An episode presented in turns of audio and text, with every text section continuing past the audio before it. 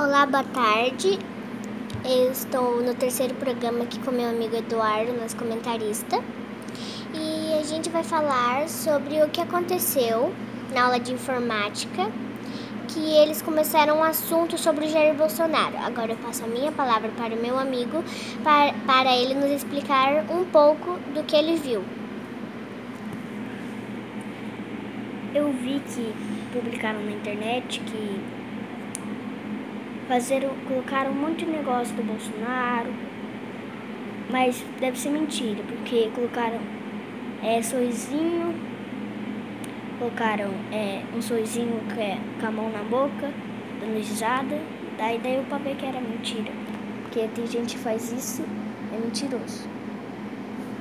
Mas na aula de informática, você só ficou ali só olhando para a foto ou a professora, a professora mostrou algo mais do texto, ela explicou?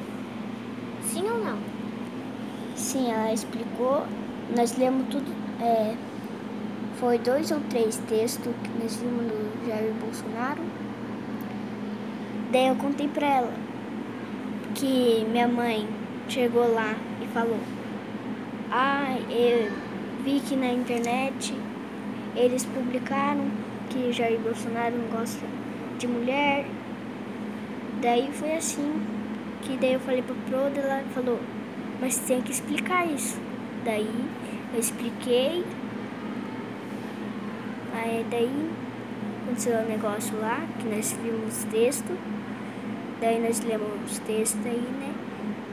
Daí eu falei que é, quando foi na sexta ou na quinta, é, na quarta que eu falei que no jornal da Globo Bolsonaro falou que prefere a filha dele morta do que namorando com o negro. Agora vamos falar com a Nathalie.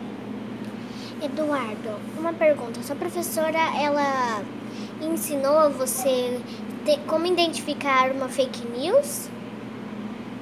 Sim, ela falou que tem que ler o título, a data e ver se o texto é confiável.